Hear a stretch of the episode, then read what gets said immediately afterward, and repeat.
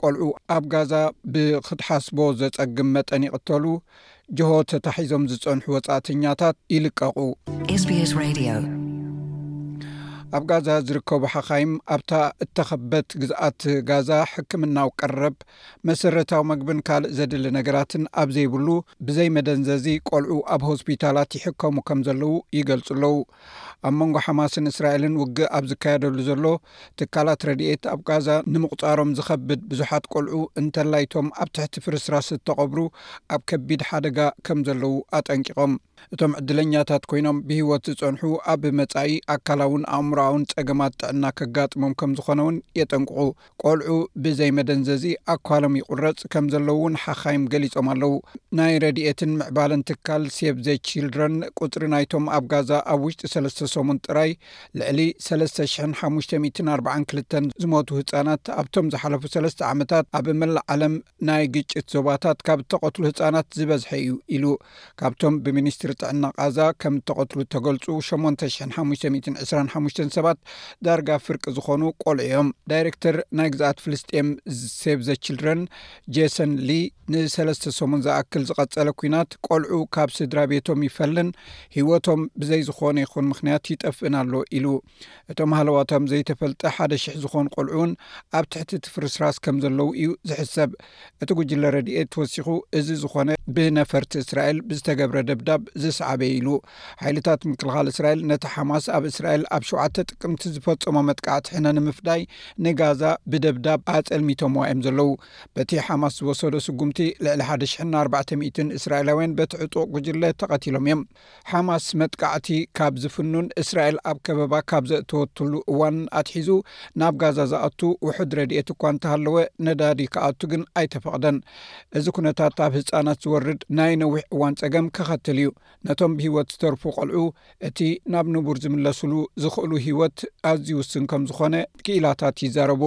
ኣብቲ ዝካየድ ዘሎ ውግእ መዓልታዊ ሚእትን ሱሳን ዝኾኑ ህጻናት ኣብ ጋዛ ይውለዱ ከም ዘለዉን ይፍለጥ። እቲ ካብ ዝሓለፈ ውግኣት ኣብ ትሕቲ ጎበጣ ምንባርን ኣብ መጻኢ ንሕዱር ሕማም ምቅላዕን ምስቲ ሕጂ ዘጋጥም ዘሎ ነገራት ተደሚሩ ኣብ ጥዕና ኣእምሮ ኩሎም ቆልዑ ጋዛ ኣዝዩ ከቢድ ጽልዋ ከም ዝህልዎ እውን ክኢላታት ይገልጹ። ጋዛ ኣብ ትሕቲ ብኣየር፣ ባሕርን ምድርን ካብ እትኽበብ ዓሰርተ ሽዱሽተ ዓመታት ሓሊፉ ኣሎ። ብመሰረት ትካል።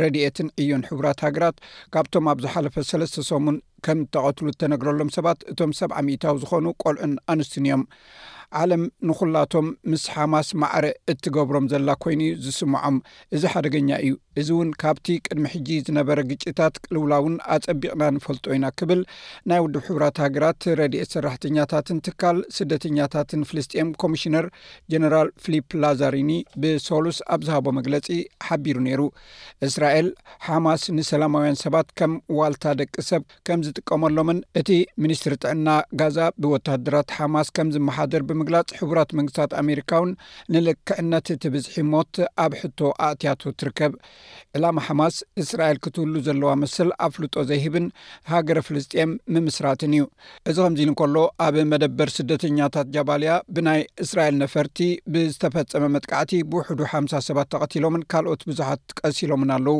ሰራዊት እስራኤል ነቲ መጥቃዕቲ ሓላፍነት ዝወሰደሉ ኮይኑ ላዕለዋይ ኣዛዝ ሓማስ ኢብራሂም ብያሪ ዝርከብዎም ብዙሓት ዕጡቓት ተቐቲሎም ከም ዘለውን ገሊፁ ጉጅለ ሰብኣዊ መሰላት ነቲ መጥቃዕቲ ኮኒኖሞ እዮም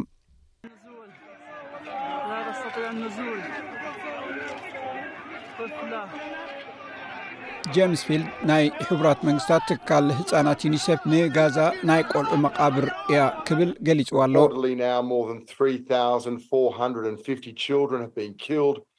ሕጂ ልዕሊ 3,450 ቆልዑ ከም እተቐትሉ እዩ ዝንገር ዘሎ እቲ ዘገርም ግና እዚ ቁፅሪ እዚ ኣብ ነፍሲ ወከፍ መዓልቲ ብዝሑ ይውስኽ እዩ ዘሎ ጋዛ ናይ ቆልዑ መቓብር ኮይና ኣላ እዛ ግዝኣት ንኹሉ ሂወት ዘለዎ እውን ሲኦል እያ ኮይና ኣብ ጋዛ ዝነብሩ ብገምጋም 420 ዝኾኑ ቆልዑ መዓልታዊ ከም ዝሞቱ ወይ ከም ዝቖስሉ ተሓቢሩ ኣሎ ንሰብዓን ክልተን ሰዓታት ዝኣክል ተኽሲ እንተቋሪፅና ሓደ ሽሕ ዝኾኑ ቆልዑ ካብ ሞርተራትን ደብዳብን ክድሕኑ ይኽእሉ እዮም ኣብ ውሽጢ ሰብዓን ክልተን ሰዓት ሓደ ሽሕ ዝኾኑ ቆልዑ ክድሕኑ ምኽኣሉ ማለት እዩ ሰራዊት እስራኤል ነቲ ኣብ ሰሜናዊ ጋዛ ዝርከብ መደበር ስደተኛታት ጃባልያ ዒላማ ዝገበረ ናይ ኣየር መጥቃዕቲ ከም ዝፈጸመ ዘርኢ ምስሊ ዘርጊሑ ኣሎ።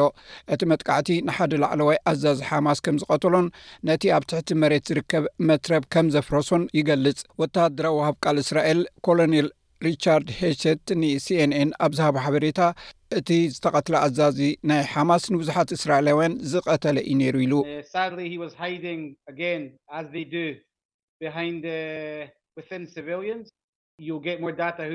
እቲ ዘሕዝን ግና ከምቲ ኣብ ውሽጢ ሰላማውያን ሰባት ክሕብኡ ዝገብርዎ ዝነበሩ እዩ ተሓቢኡ እዚ ሰብኣይ ብዙሓት ከም ዝቀተለ ብዙሓት እስራኤላውያን ዘከኣለና ኩሉ ይገብሩ ከም ዝነበሩ ዝያዳ ሓበሬታ ክትረክብ ኢኻ እዚ ኣዝዩ ዝተሓላለኸ ኩናት እዩ ኣብኡ ትሕተ ቅርፂ ክህሉ ይኽእል ኣብኡ እምባታት ክህሉ እውን ይኽእል ሕጂ እውን ንርኢ ኣለና ዝያዳ ሓበሬታ ድማ ክንህበኩም ኢና እቲ ሰዓት እናቀረበ እዩ ዝኸይ ዘሎ እዚ ዘሕዝን ፍጻሜ ውግእ'ዩ፣ ማለተይ ንብዙሕ መዓልታት ናብ ደቡብ ገጽኩም ግዓዙ ክንብል ኢና ጸኒሕና።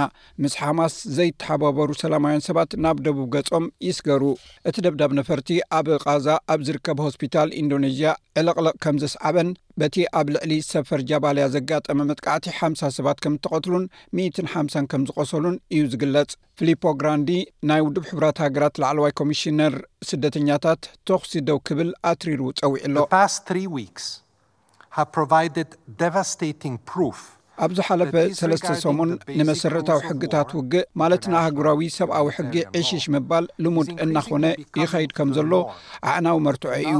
ኣብቲ ሓማስ ኣብ ልዕሊ እስራኤላውያን ሰላማውያን ሰባት ዘውረዶ መጥቃዕቲ ኣብ ልዕሊ ፍልስጤማውያን ሰላማውያን ሰባት ቅትለት ከምኡኡን ብሰንኪ እቲ ኣብ እስራኤል ዝቕፅል ዘሎ ወተሃደራዊ ስርሒት ዝሰዓበ ሰፊሕ ዕንወት ትሕተ ቅርፂ ንፁሃት ሰላማውያን ሰባት ተራእዩ ብዘይፈልጥ መገዲ ይቕተሉ ኣለዉ ወተሃደራት ሓማስ ኣብ ዝመፅእ መዓልትታት ገለ ካብቶም እስራኤላውያን ዘይኮኑ ብጅሆ ተታሒዞም ዘለዉ ሰባት ክፍትሑ ከም ዝደለዩ ኣፍሊጦም ኣለዉ ድሮ እውን ገለ ካብቶም እስራኤላውያን ዘይኮኑ ብጅሆ ተታሒዞም ዝፀንሑ ክፍትሑ ጀሚሮም ኣለው። ወሃብ ቃል ብርጌድ ኣልቃስም ኣቡ ኦቤዳ እቲ ምፍታሕ በተን ንሱ ዘይገለፀን ሃገራት ይግበር ከም ዘሎ ኣረጋጊፁ እዩ። እስራኤል ካብቲ ብሸውዓተ ጥቅምቲ ብሓማስ ድሕሪ ዝተፈፀመ መጥቃዕቲ ሓደ ሽሕን ኣርባዕተ ሚእትን ሰባት ተቐቲሎማ ክልተ ሚእትን ሰላሳን ትሽዓተን ሰባት ድማ ጅሆ ተታሒዞም ከም ዘለው ተገሊጹ ነይሩ። ኣብ ጋዛ ዝርከብ ኣገልግሎት ጥዕና ሓማስ በቲ ብእስራኤል ዝተፈጸመ መጥቃዕቲ ልዕሊ ሸሞንተ ሽሕን ሓሙሽተ ሚእትን ሰባት ከም እተቐትሉ ይገልጹ። ካብዚኦም እቶም ፍርቆም ቆልዑ እዮም። እዚ ሬድዮ ስፔስ ብቋንቋ ትግርኛ ዝፍኖ መደብ እዩ።